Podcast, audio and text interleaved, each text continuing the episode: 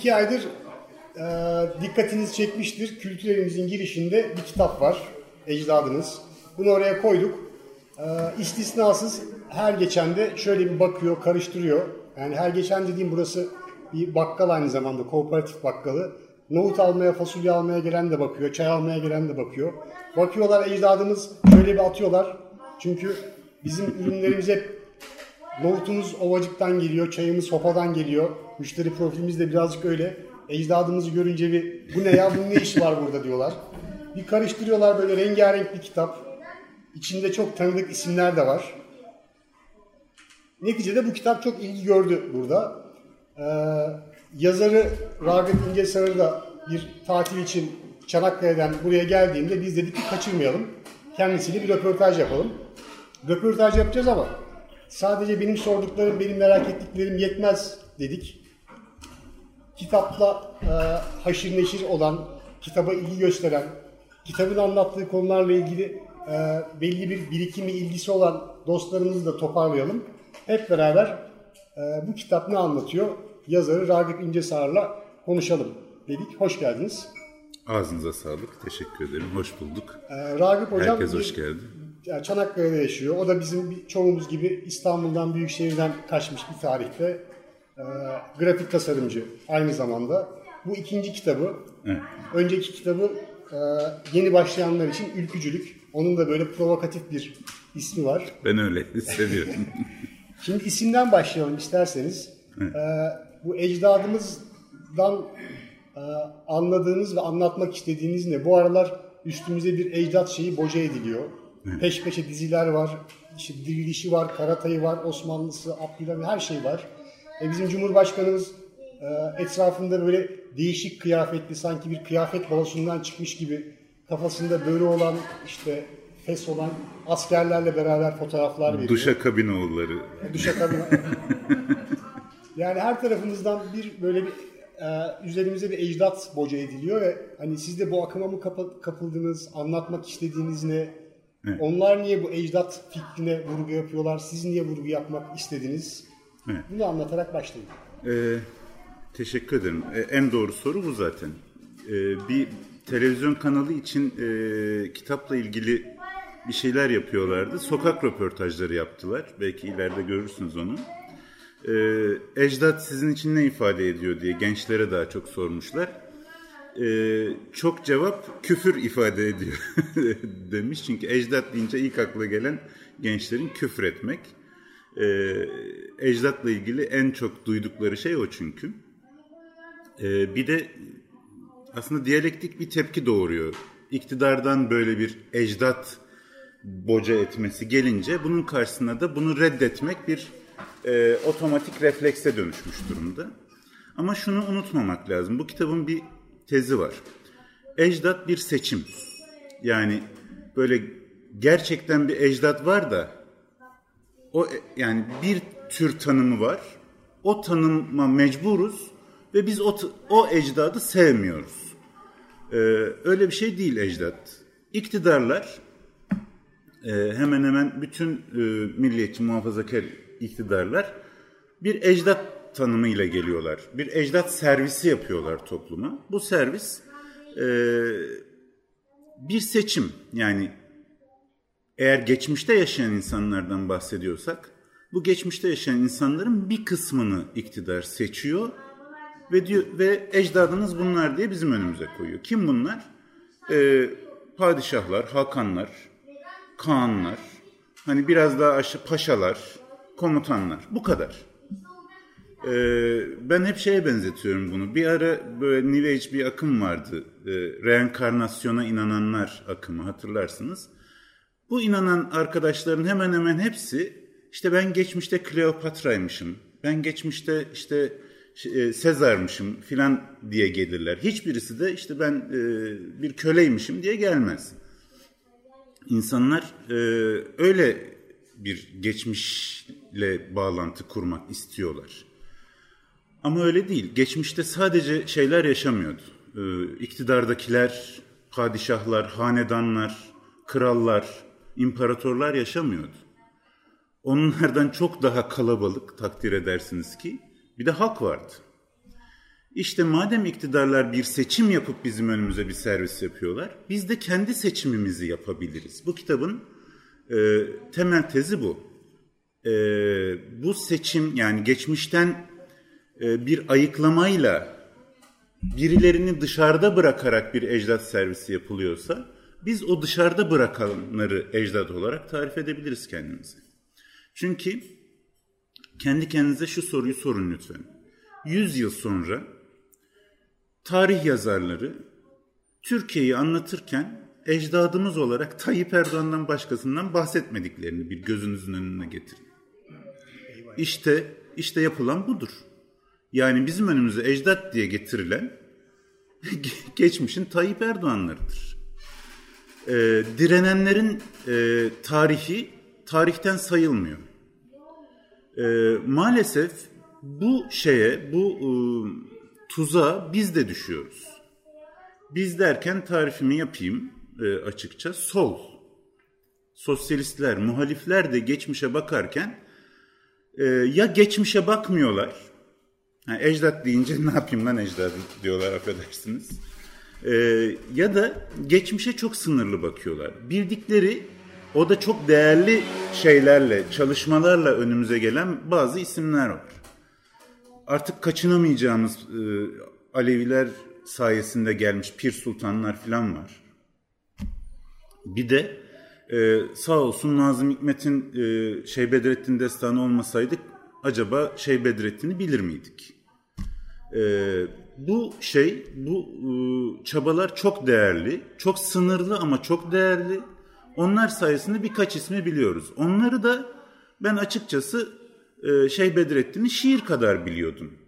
Yani bunun meselenin peşine düşmediğim e, zamanlarda şiir ne kadar Şeyh Bedrettin anlattıysa ben o kadar biliyordum. Ama bir şey itiraf edeyim. E, kendimi 14 yaşından beri Marksist diyorum. E, o yaşlardan itibaren mesela Thomas Münster'i biliyordum. Engels bahsetti diye. Ama Bedrettin'i bilmiyordum işte. Bence sıkıntı biraz burada. Ee, ecdadımız meselesine girdiğimde ilk fark ettiğim şey şu tabii. Ecdadımız kavramı cinsiyetçi bir kavram. Bunu bir kenara koymak lazım. Çünkü e, ced kökünden geliyor ecdat. Ata demek. E, analardan pek bahsedilmez geçmişe bakıldığında. Yani geçmişte e, kadın neredeyse yok gibidir. Bu sadece bizde böyle değil. Dünya tarih metodolojisinde de böyle.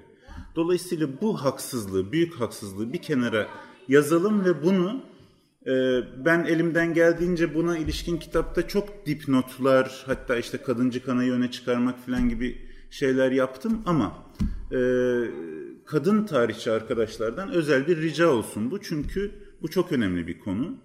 E, bizde de dünyada da bu üzerinden atlanmış bir konudur. Dilde de atlanmış bir konudur. Atalar diyerek zaten kafadan hani sadece erkeklerden bahsettiğimiz belli. Bunun da altını çizmek isterim. Ecdat meselesi böyle. Yani ben e, geçmişe bakmanın e, neden önemi var? Hep söyleriz. E, işte geçmişi olmayanın geleceği olmaz falan filan. Bunlar beylik laflar. Bunlar yanlış mı? Değil.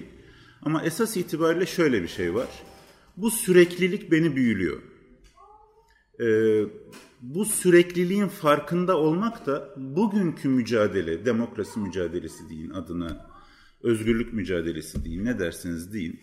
Ee, bugün için sadece bugünü ilgilendiren, sadece bugünden kaynaklanan, sadece modern bir kavram olarak özgürlükten bahsetmediğimizi, bunun çok köklü, çok derin ve çok ilham verici bir tarih olduğunu, bir tarihi olduğunu e, görüyorum ve bunu aslında e, hissettirmeye çalışıyorum e, kitapta da.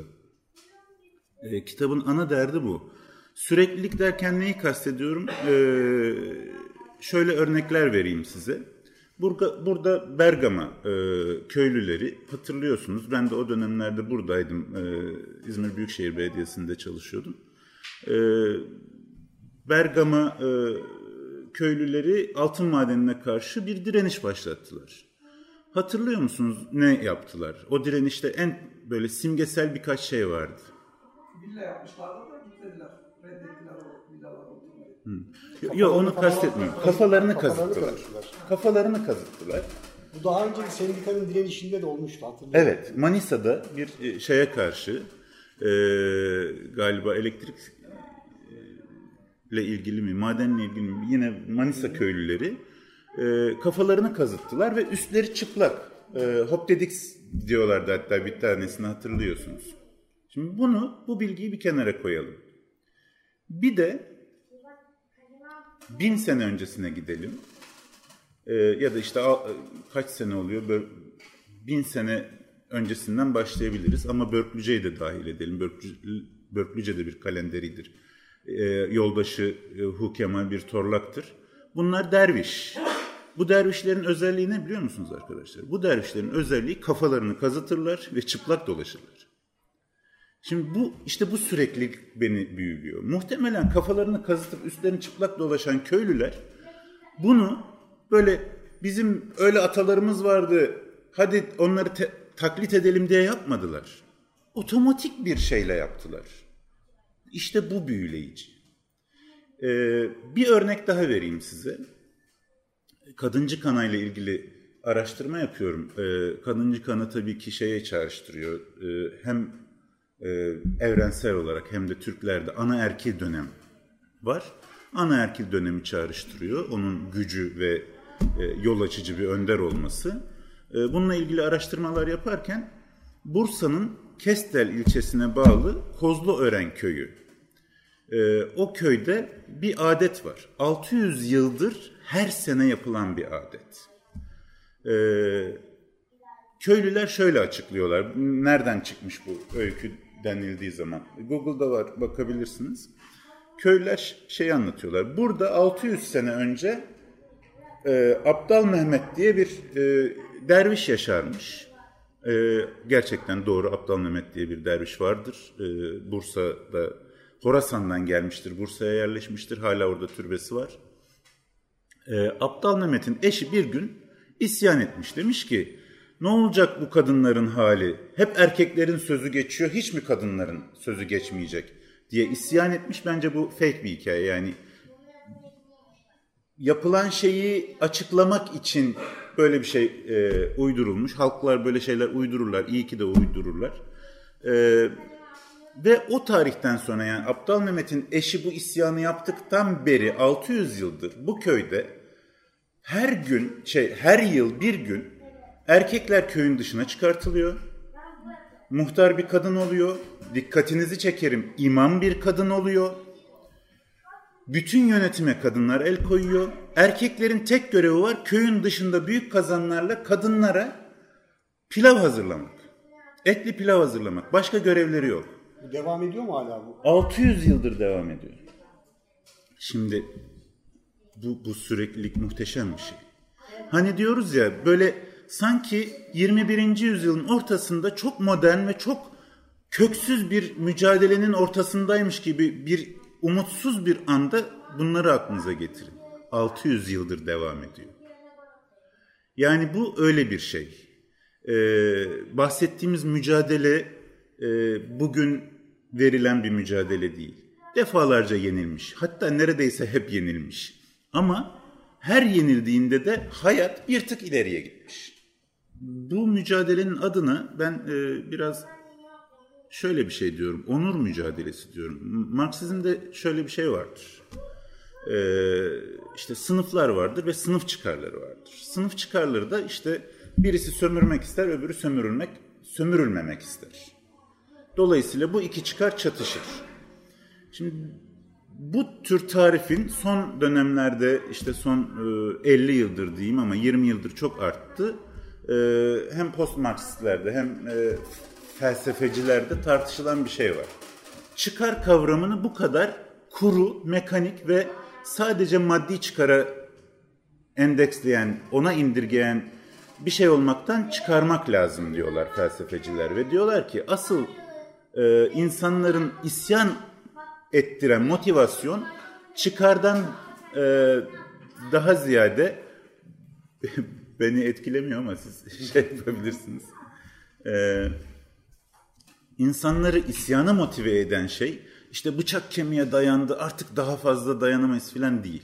Onur mücadelesi. Size bir tane örnek vereyim. Ee, Baba Zünnun ayaklanması var. Ee, işte 16. yüzyıl neredeyse ardı arkası kesilmeyen, yani biri bitmeden öbürü başlayan isyanlarla doludur. İşte e, şeyle başlar, Şahveli ile e, ya da kalender e, Şah kuluyla başlar.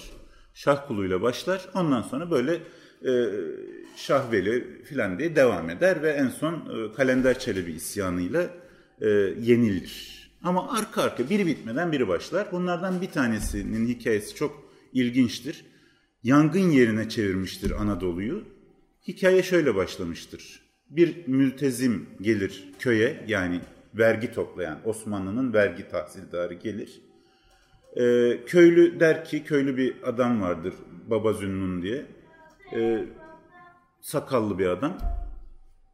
Yok der yani bu kadar istiyorsun ama bu kadar veremeyiz sana. Ee, mültezim de sakalını tutar şöyle keser sakalını. İşte o sakalının kesilmesi meselesinden bütün Anadolu yangın yerine çevirmiştir. Sen nasıl birisinin sakalını kesersin? Hem de böyle dede, baba diye baktıkları birisinin sakalını. Bu onur kavramını çok önemsiyorum. Çünkü ben bu onur mücadelesinin argümanlarını Hallacı Mansur'da Enel Hak'ta da görüyorum. Çünkü insanı kul yapan yerden tutup kaldıran bir şeydir. Argüman mücadelesidir o. Hayır ben köle değilim. Ben insanım. Çünkü ben Tanrıyım. Bu kadar basit. Yani e, kendini Tanrı seviyesine yükselterek artık bana dokunamazsın. Çünkü Nazım'ın şiirinde de geçer ya ve kahreden ve yaratan ve kahreden ki onlardır. İşte evet yaratan ve kahreden benim deme mücadelesidir. O şeyi, o argüman mücadelesini biz mesela ben yıllarımı okumaya verdim diyeyim. Okudum okudum okudum bizim şeylerde. Biz bu enel haktı şuydu buydu filan. Ya bu da din, bu da işte mistik bir şeyler filan diye bir kenara koyduk değil mi? Ama işte burada bir şey görüyorum. Bir imkan, insanın e, onurunu ayakta tutma mücadelesi. Bunun sadece mücadele de değil. Bunun argümanlarını yaratma, bunun tahayyülünü yaratma mücadelesi. İlgilendiğim şeylerden bir tanesi de bu. Sadece e, baskıya, zora, e, yoksulluğa e, isyan etmemiş insanlar. Evet bunlar olmuş ama bir de gelecek tahayyülü kurmuşlar. Zannediyoruz ki tarihte ilk defa gelecek tahayyülü kuran yani sosyalizm fikri biziz. Öyle değil. Her isyanın önünde bir şey var. Yani babayiler Anadolu'ya girdiklerinde zaten ceplerinde bir ütopya vardı. Rıza şehri kuracaklardı. Rıza şehri daha önceden tahayyül edilmemiş bir şeydi. Ha, geçmişi yok mu? Tabii ki Karmatilerin şehirleri var. E, Zenc isyanının kurdukları Basra'da e, Muhtare üstelik adı da çok güzeldir. Yani Muhtare diye bir şehir kuruyorlar. Adı Özerk demek yani. Özerk diye bir şehir kuruyorlar. Bunlardan devralınmış, üst üste konmuş, üst üste konmuş bir şeyden bahsediyoruz. 800'lü yıllardan 200-250 yıl sonra Anadolu'ya gelen dervişlerin kafalarında bir şey var. Biz bir şehir kuracağız ve adı Rıza şehri olacak. Niye? Çünkü herkes Rıza ile çalışacak orada. Bu kadar net. Ben araya gideyim o zaman fırsat fırsat. Şimdi e, egemenlerin bu ecdatları zafer üstünde zafer kazanıyorlar ya. Evet. Kılıç elde işte Viyana kapılarına gidiyorlar, orayı fethediyorlar. Bizim ezilenlerimizde, bizim ecdatlarımızda ise bir böyle ezilme, yenilgi silsilesi var aslında. Ee, biz hep böyle yenilmeye mahkum muyuz? Bu çok, çok, çok güzel. İtirazım var. çok güzel. Evet tabii. Biz hep yenilmeye mahkum muyuz? Valla e, bu soru hem başkalarından da geldi. Ben de kendime çok sık soruyorum. Birincisi bu sorunun cevabı e, şey yapmadan hani ajitasyona gitmeden samimi fikrimi söyleyeyim. E, evet mahkumuz bir yandan. Çünkü aslında e, Nazım'ın dediği gibi bir şeyle uğraşıyoruz. Diyor ya iktisadi, tarihi, içtimai şartların zaruri neticesi bu deme. Bilirim. O dediğin nesnenin önünde kafamla eğilirim ama bu yürek o hey gidi kahpe devran hey der. Şimdi e, bazı şeyler bir, e, çok ileriye kon, konur ve onun için gidersiniz ama bu giderken işte ayağınız takılır, ölürsünüz, başka birisi kalkar tekrar oraya doğru gitmeye çalışır. Orada bir şey var. Bir kere bunu hani bilelim. Orada bir şey var. Ona gidecek insanlar, insanlık. Ama bu giderken muhtemelen e, her seferinde o şey biraz daha öteye kaçacak. E, ben de şeye baktım, işte bu yazdığım e, insanların hemen hemen hepsi yenilmiş. Ama şöyle düşünmeyi tercih ediyorum. Yenilenlerin isimleri onurla ve çok parıl parıl parlayarak bu toplumun hemen hemen herkesin hafızasında. Yenenlerin isimlerini hiçbirimiz bilmiyoruz. E işte istedikleri kadar yensinler. Yani evet yeniliyoruz. Belki yine yenileceğiz. Ama e, şeyin karıncanın hikayesi gibi. Yani bir yere giderken yenileceğiz. E, madem yenileceğiz o zaman hiç kıpırdamayalım da denilebilir. Ama o zaman da iş dönüp dolaşıp tekrar şeye dönüşüyor. Bu yolda devam ettikçe mağlup olmak da böyle bir erdemdir, galip olmaktır. Evet, meşhur Ziya Paşa'nın mıydı şiiri? Öyle bir şey var. E, galiptir bu yolda mağlup diye. Yani ben ben ona inanıyorum. E, böyle bir e, motivasyonum var en azından. Peki umut vermenin dışında yani yaklaşık 20 tane e, isyan halk hareketi, 20 tane tarihsel figür üzerinden anlatılmış ya. E, bütün bunlarda böyle umudun dışında bugüne taşınabilecek ders çıkart tarih ders çıkartılır ya yani o kadar evet. klişe olmasın ama hani karakteristik bir özellik olarak bugün için anlamlı olan bir şey var mı dikkatinizi çeken? Evet. Şimdi şöyle başlayayım bir kere. Bu e, en büyük benim kendi adıma çıkarttığım ders süreklilik. Biraz önce bahsettiğim o beni büyülüyor dediğim şey. Örneklerini verdim işte. E, Bergama e, yani işte şeyden bahsettik. Kalenderi dervişlerinden. E, Börklüce bir kalenderi dervişiydi. E, onlardan bahsettik. Ama ondan da bir bin yıl öncesine gidelim. Bergama'da Aristonikos diye bir adam var. Çok hızlıca anlatayım. Kitapta var hikayesi. Bergama Krallığı diye bir krallık var. Ama Bergama Krallığı sadece Bergama bölgesini şey yapmıyor e, şöyle düşünün. Anamur'dan Sinop'a doğru bir hat çekin. Oranın batısı Bergama Krallığı o dönemde. E, işte şeyde Bitinya denilen bölgede birkaç tane devlet var. Trakya'da e, yine krallıklar var ama Bergama en büyüklerinden bir tanesi ve kralı Attalos pis bir herif. E, çok zalim bir hükümdar ve ölüyor. Ölmeden önce bir e, vasiyetle şeyini, e, bütün bir krallığı Roma İmparatorluğu'na hediye ediyor. Diyor ki gelsin Roma yönetsin bundan sonra. Başkasına vermiyorum yani. E, krallık hani şeydir ya oğluna geçer ya da işte komutana geçer falan öyle bir şey istemiyorum. Gelsin Romalılar yönetsin diyor. Bu ne olacak ne bitecek filan. Roma tabii çok mutlu bu hikayeden. Romalı generaller toplanıyorlar. Bergama'ya el koymak için hazırlanıyorlar. Gemilere biniyorlar filan. Bu arada bir tane adam çıkıyor Aristonikos. Diyor ki krallık benim hakkım. Nedeni şu. E, Attalos'un babasının üvey e, gayrimeşru çocuğu Aristonikos. Bir e, seks işçisi diyelim onunla birlikte olmuş. Oradan bir çocuğu olmuş. E, tabii ki saraya hiçbir zaman girememiş. Böyle bir adam Aristonikos. Ben diyor e, şeyin kardeşiyim. Aynı babaya sahibiz krallık benim hakkım. Şimdi bu e, çok şey görmüyor, e, ne diyeyim, ta, talep görmüyor halk tarafından. E, destekleyen birkaç şehir e, devletinin yöneticisi oluyor filan, isyan ediyor, yeniliyor. ve Ege'nin e, iç tarafına böyle Kütahya bölgesine doğru Manisa'ya doğru çekiliyor. E, orada çok garip bir şey oluyor. Bölgedeki bütün köleler buna akın akın şehirleri bırakıp Bergama'yı, Foça'yı, Efes'i filan bırakıp e, Aristonikos'a katılmaya gidiyorlar. Aristonikos'un aklında yok böyle bir şey. Yani adam kral olmak istiyordu. Yani bundan ötesi var mı? Hiç eşitlikçi ya da köleleri kurtarmak gibi fikri yoktu Aristonikos'un. Ama çok ilginç bir şey oluyor. Buna e, önce köleler sonra da topraksız köylüler katılmaya başlıyorlar.